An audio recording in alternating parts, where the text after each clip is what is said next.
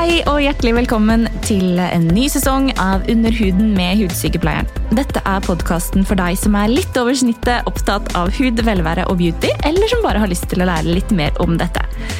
Hver uke så tar jeg et dypdykk i spennende temaer og gjester, og hver fredag finner du en ny episode der du hører podkast. Så stay tuned! Hei, hei, alle sammen, og hjertelig velkommen til en ny episode. I dag er det en Q&A-episode, og jeg har kost meg veldig med å lese gjennom alle deres spørsmål. Jeg har på forhånd lagt ut en spørsmålsboks på Instagram, hvor dere har kunnet sende inn spørsmål om all things skin, og i dag har jeg tenkt til å svare på så mange av de som jeg får til, rett og slett. Så vi bare starter. Det første spørsmålet er Hvorfor valgte du å bli kosmetisk sykepleier? Og jeg tenkte jeg skulle fortelle litt om reisen min dit aller først. Um, helt, helt fra starten av. Um, jeg har slitt veldig mye med huden min selv. Jeg har hatt akne så lenge jeg kan huske, nei da, men i hvert fall siden tidlig i tenårene. Og jeg husker på en måte at allerede på barneskolen så begynte det å bli et problem, ungdomsskolen var helt grusomt og også videregående. Så det er på en måte noe jeg brenner veldig for den dag i dag. Og jeg tror mye av grunnen til at jeg valgte å gå den retningen, er fordi jeg ønsker så innmari å kunne hjelpe andre som har de samme problemene som det jeg har gått gjennom. Fordi det er virkelig en utfordring. Og når jeg hører um, hører leger si at um, det å slite med huden, og spesielt akne, er en like stor påkjenning psykisk som det å leve med enhver annen kronisk sykdom. Da tror jeg på det, fordi det er virkelig Det er ikke bare bare. Jeg husker så godt at um, altså Mamma og pappa kjøpte jo produkter til meg, men man vet jo ikke helt hva man holder på med, i hvert fall ikke for typ um, 20-15 år siden. Da var det jo typ ja, eh, det man ofte fant i matvarebutikkene, og som man trodde var bra. Eh, som man i dag kanskje tenker at det, det er kanskje ikke så bra. Men jeg prøvde det meste som var å, på markedet, og merket ingen bedring. Og jeg husker jeg var så desperat en gang at jeg tenkte ja, men vet du hva, nå prøver jeg litt klor, fordi hva kan bli verre? Men heldigvis så, så kom jeg ikke helt dit. Jeg gjorde ikke det. Det er jeg glad for. Men um, jeg husker faktisk jeg prøvde en laser en gang. Jeg tror det må ha vært en CO2-laser. Og, um, og, det hjalp heller ikke så veldig. Det var bare ekstremt vondt. Så altså jeg ble sykepleier og um, begynte å jobbe på sykehus. Har jobbet på barneposter hele, nesten hele min karriere. Og på et punkt så så ble jeg ganske sliten av å jobbe turnus, spesielt nattevakter. Så jeg begynte å se meg om etter kanskje noe annet jeg kunne gjøre med eh, sykepleieryrket. Og jeg kom over eh, Sensi-akademiet, og jeg tror det var allerede i 2013 så gikk jeg første semester på Sensi-akademiet og ble hudpleier. Um, på den tiden var studiet litt annerledes, eller en del annerledes enn det det, var, eh, det er i dag. Uh, så etter det første semesteret tenkte jeg at nei, dette var kanskje ikke helt for meg likevel.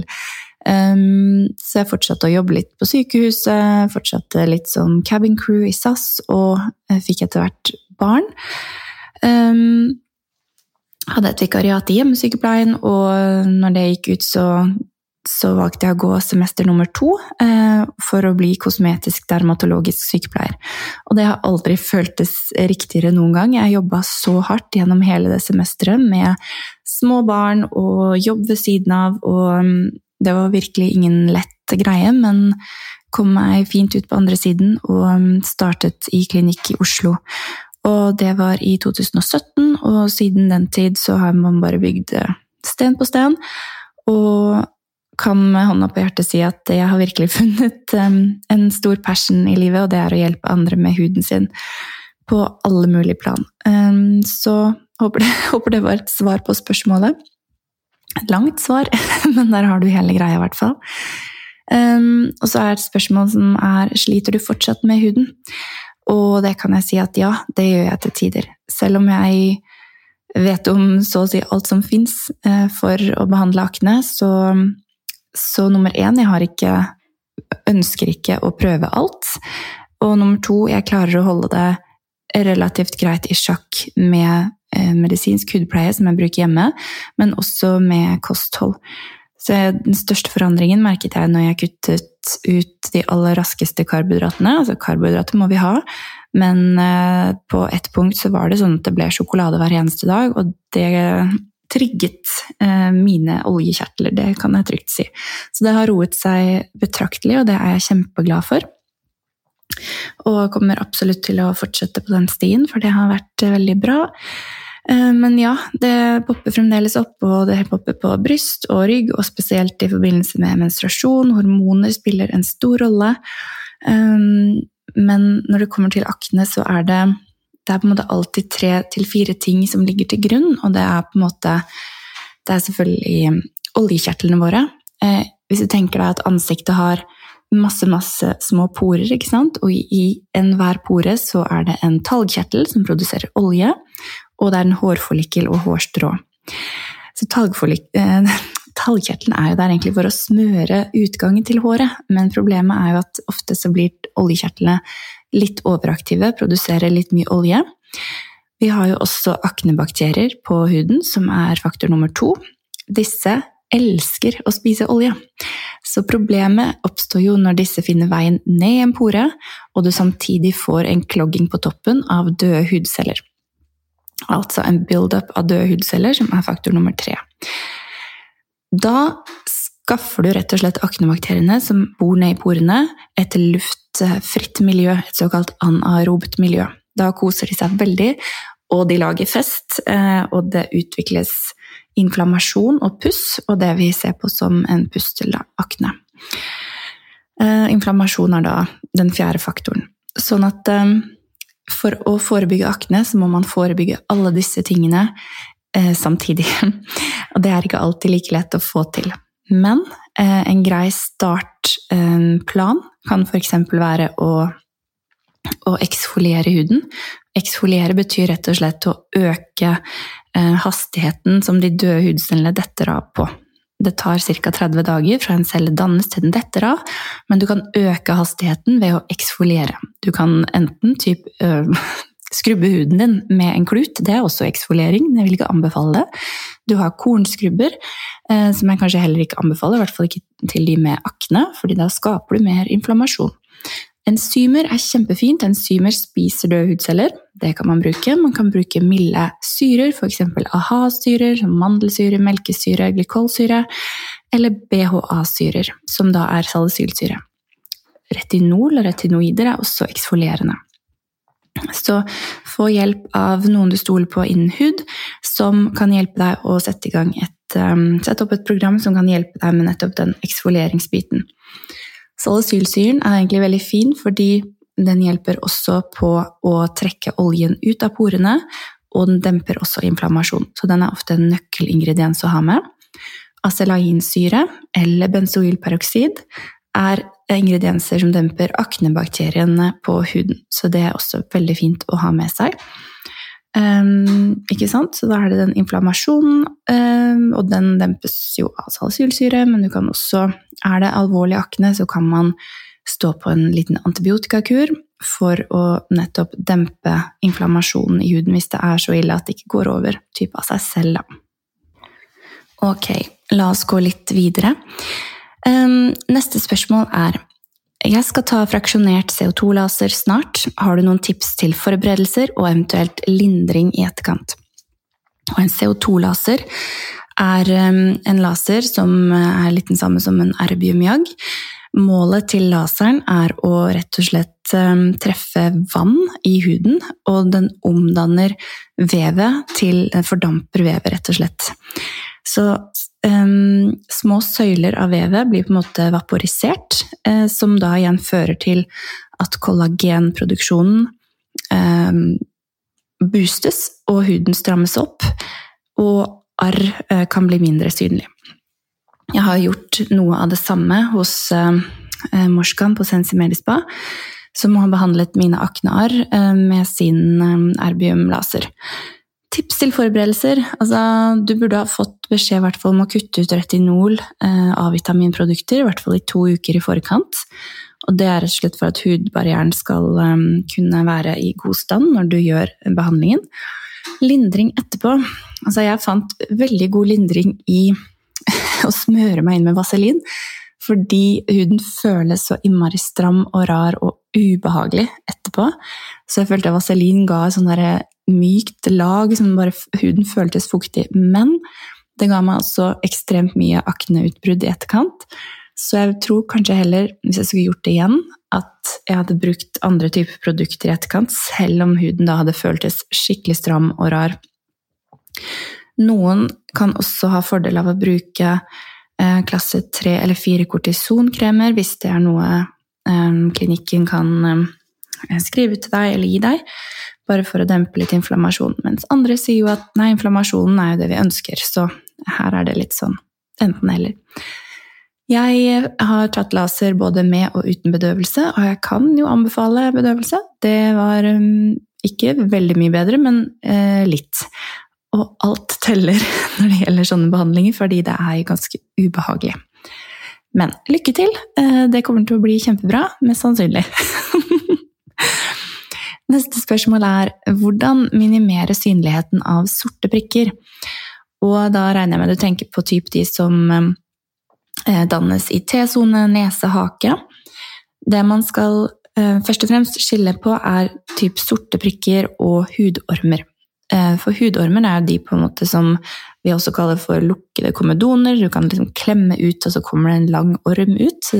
Det er noe annet enn det man oftest ser på neser, som er mer det som kalles for sebaceous filaments, som betyr rett og slett at oljen i porene har møtt oksygen og begynt å bli brunt. Så det aller beste du kan gjøre, er å jevnlig bruke salicylsyre i disse områdene for å trekke oljen ut av porene og hindre at det blir brunt.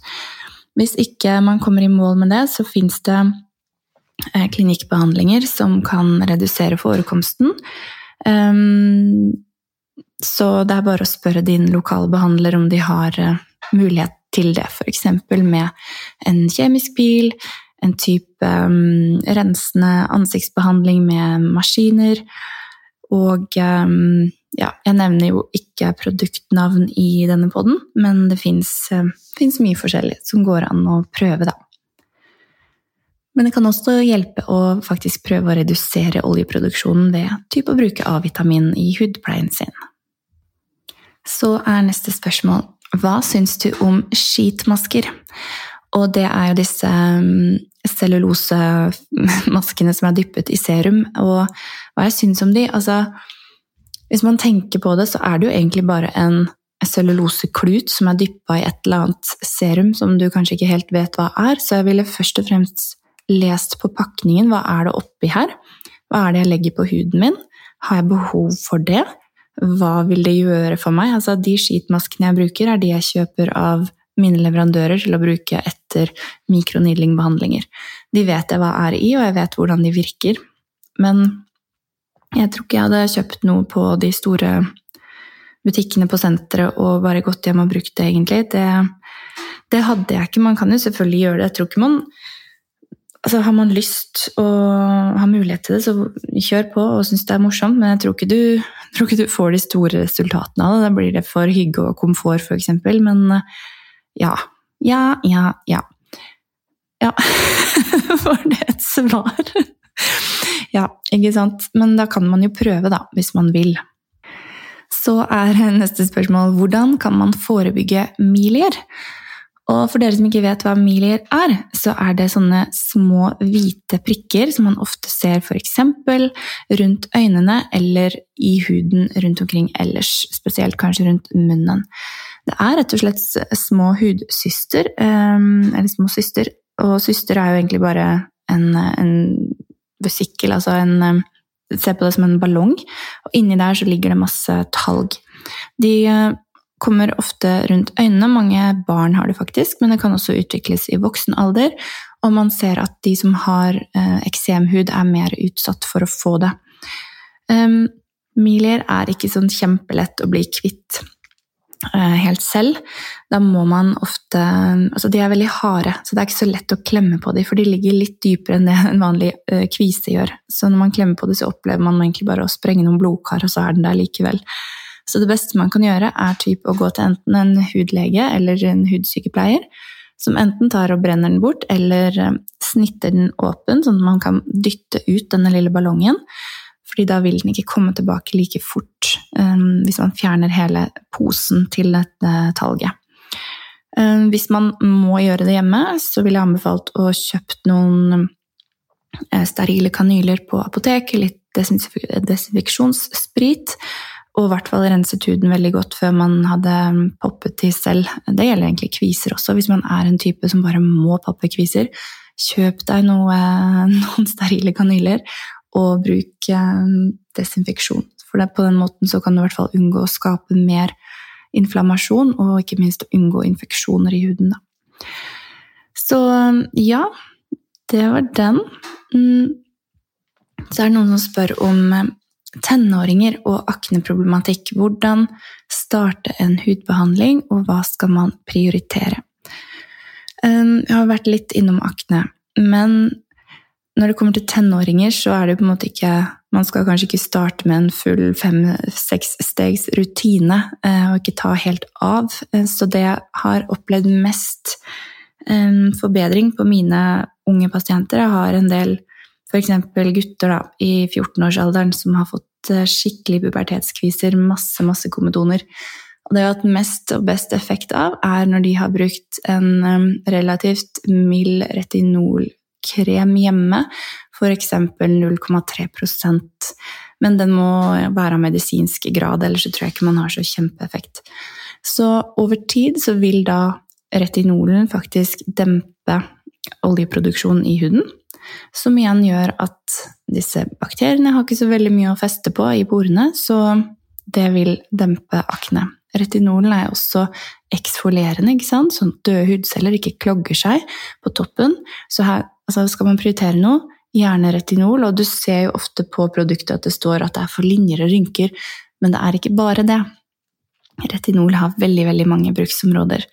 Så retinol og salicylsyre. Nå er det noen som også spør om hva er egentlig retinol, og hvorfor skal man bruke det. Um, retinol er en type A-vitamin. Se på A-vitamin som den store gruppen her. Uh, det fins vi kaller derivater, mange ulike typer A-vitamin. De sterkeste derivatene får man på resept av lege. Eh, de, de virkstoffene heter typ adapalen, tretinoin, differin, og de er sterke. Skal man på noe som er hakket mildere, som man kan få over disk, som er eh, medisinsk grad, så har du retinol og retinal. For eksempel skal du ha noe som er enda litt mildere, så har du retinyl palmitat. Og altså, grunnen til at er, noen er milde og noen er sterke, er det, de molekylenes evne til å komme seg gjennom eh, cellebarrierene. Noen er skikkelig aggressive og bare bryter opp døra og sier 'hei, her er jeg'. Det skaper mye irritasjon i huden, og man kan Eh, se det med at man blir rød og flasser mye. Så hadde man startet på et reseptbelagt A-vitaminprodukt, så hadde man ganske raskt merket at oi, huden min er rød, og den flasser, og den føles solbrent. Det er fordi de bare baner vei rett inn i cellene og sier hei, her er jeg. Men man har man et langsiktig perspektiv på det, så kan man helt fint bruke noe som er litt mildere.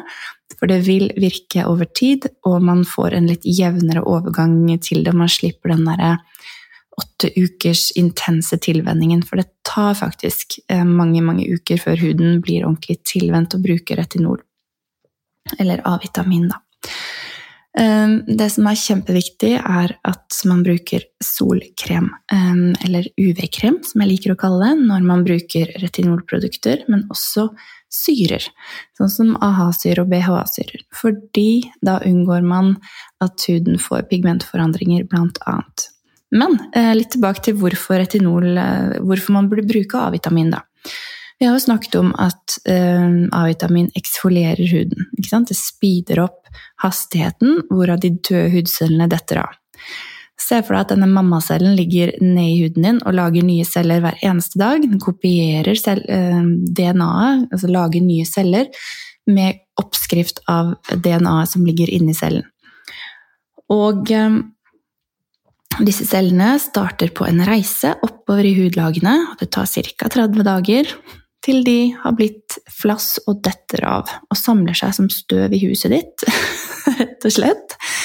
Men noe som eksfolierer, gjør at prosessen tar litt raskere tid, så du får nye og friske hudceller opp litt raskere. Det som jeg syns er en av de aller beste tingene ved å bruke A-vitamin, det er rett og slett det at våre hudceller de bruker, eh, bruker A-vitamin til å reparere celle-DNA-et som ligger inni cellene våre. Og det er kjempegunstig eh, å vite at måte, bruker man et A-vitaminderivat på huden, så kan man faktisk gjøre huden sine celler sunnere. At det um, genmaterialet som blir kopiert hver gang, påvirkes til det bedre istedenfor det verre. A-vitamin øker også nivåene av kollagen, elastin og fuktighet i cellene, og det har også mulighet til å glatte ut linjer og rynker fordi huden begynner å reparere seg selv. Så det er utrolig mange fordeler ved å bruke det. Jeg syns de fleste burde bruke det, rett og slett. Men igjen, her fins det svake, og det fins sterke mikser, så spør en eh, du stoler på med hud om å hjelpe deg i gang med å finne din type A-vitamin, for det er noe for alle. Absolutt. Så er det noen som spør når man bruker retinol, hva bør man styre unna? Ehm, først og fremst, retinol er noe som man ofte bruker om natten, og som man burde skylle av på morgenen, og så legge på fuktighetskrem og solkrem. Så jeg tenker at du kan bruke det meste om hverandre, men tilvenn det over tid. Jeg ville ikke brukt uh, syrer og retinol samtidig. Uh, samme kveld. Det ville jeg ikke gjort. Uh, hold deg til én eksfolierende greie av gangen. Det også noen kan oppleve, er at når de bruker retinol om natten, så kan huden være litt overfølsom på dagtid i en periode.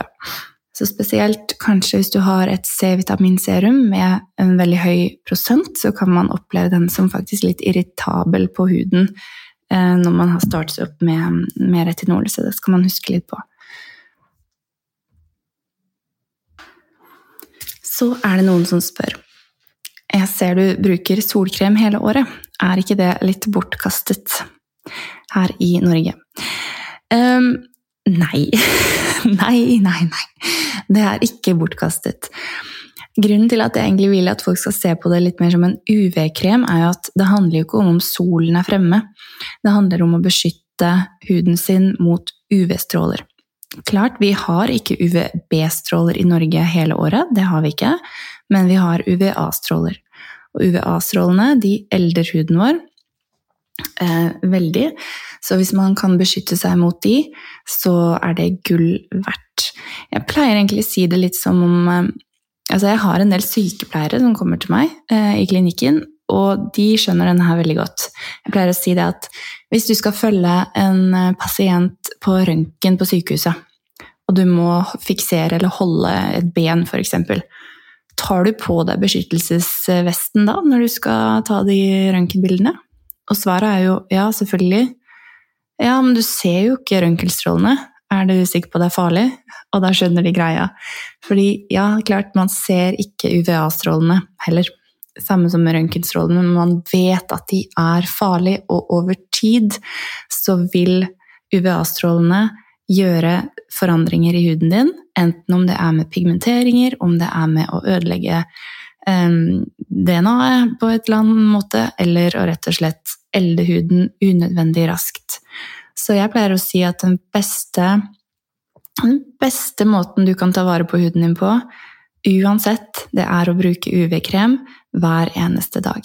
Selv om det regner, selv om det snør, og hele året rundt. Og det er ikke kødd. Det er ehm, Altså, du vil takke deg selv eh, hvis du starter med det. Og du må ikke kjøpe en solkrem til 500 kroner. Den beste solkremen er den du gidder å bruke. Men det er et lite men her. UVA-beskyttelsen i en solkrem varer mellom to til tre timer. Det betyr at hvis du smører deg med den klokka åtte, så burde du smøre deg igjen før lunsj. Eller i lunsjen. Og det er jo ikke alle som syns det er så stas å smøre krem utenpå, f.eks. hvis man har sminket seg, men det fins gode løsninger der også, f.eks. Eh, pulverkoster, eh, som da gir en UV-beskyttelse. Vi vet jo at eh, mineraler, sånn som titaniumdioksid og synkoksid, lager et beskyttende lag på huden mot UVA-stråler, så det er det disse kostene ofte inneholder, da. Så kom vi til dagens siste spørsmål, og det er en som spør. Jeg har veldig mye føflekker både i ansiktet og på kropp. Hvordan kan jeg best ta vare på huden min med disse? Og det som er med føflekker, er at um, man burde helst få de sjekket. Helst en gang hvert år, hvis man har mulighet, hos en hudlege som da har et sånt dermatoskop, hvor de kan sjekke om de ser friske ut. Men det du kan tenke på hjemme Vi har en sånn regel ABCDE, hvor A står for asymmetri. En føflekk er ofte sidelik. Den har ikke noen skarpe, spisse kanter. Hvis den har det, så er det litt sånn barsku her. B står for border, altså om kantene er klart avgrenset, eller om de sklir litt sånn ut i huden rundt. De er ikke helt eh, det er ikke helt lett å se hvor den eh, kanten går. Det skal man være litt obs på. C står for color. Er fargen jevn? Har fargen endret seg? Har den plutselig blitt eh, rød eller sort mens den var brun for en måned siden? Da er det klart at man burde tenke litt på det. D står for diameter. Har du en veldig stor føflekk, så er det også en du skal holde litt ekstra øye på, og spesielt om den også vokser. E-Evolve har den endret seg. Har den plutselig blitt større? Har den fått skorpe? Har grensene sklidd ut? Har den kanskje begynt å klø eller har blitt vond? Så er det Alle disse tegnene er tegn du skal være litt obs på. Vi i Norge er dessverre på verdenstoppen når det gjelder nye tilfeller av føflekkreft. Og det er jo egentlig veldig rart når vi bor i et land som har så lite sol. Men det er jo ikke så rart heller, fordi vi har en litt usunn holdning til sol her oppe i nord. Og det kommer jo sikkert av at når sola først kommer frem, så ønsker vi å kose oss mest mulig med den sola. Så se for deg når, du, når påsken kommer og du har gått en hel vinter med ullundertøy, og så, skal, så setter man seg i solveggen, og så blir man steike solbrent. Eh, fordi man hadde jo glemt den solkremen, og man tenkte nei, huden min den tåler det. Den gjør ikke det. Så vær så snill og pass litt godt på huden. Ikke sjokk sol deg. Bruk solkrem. UV-krem. Altså Skal du til Syden i vinterferien, så, så, er det greit å bruke litt plagg, faktisk. Sitte i skyggen. Og, og ta det litt med ro i timene mellom klokka tolv og tre når, når UV-en er sterkest. Fordi det som skjer, da, er at hver gang du brenner deg eller får en overdose med sol, så går vi tilbake igjen til celle-DNA-et vårt. Det blir ødelagt. Og når man husker på det at det, det DNA-et blir kopiert hver eneste dag Hvis det begynner å bli ødelagt, så vil også cellene som dannes av det, få feil og mangler. Det er da man får celleforandringer, og celleforandringer kan senere bli kreft. Så pass på huden din, det er det største organet ditt, og uten den så hadde man ikke levd. Så um, huden er gull. Ta vare på den, folkens. Det var alt vi rakk for i dag. Så jeg håper, hvis det er noe du skal ta med deg videre fra dagens episode, så er det at vi skal bruke solkrem hver eneste dag. Vi snakkes! Ha det!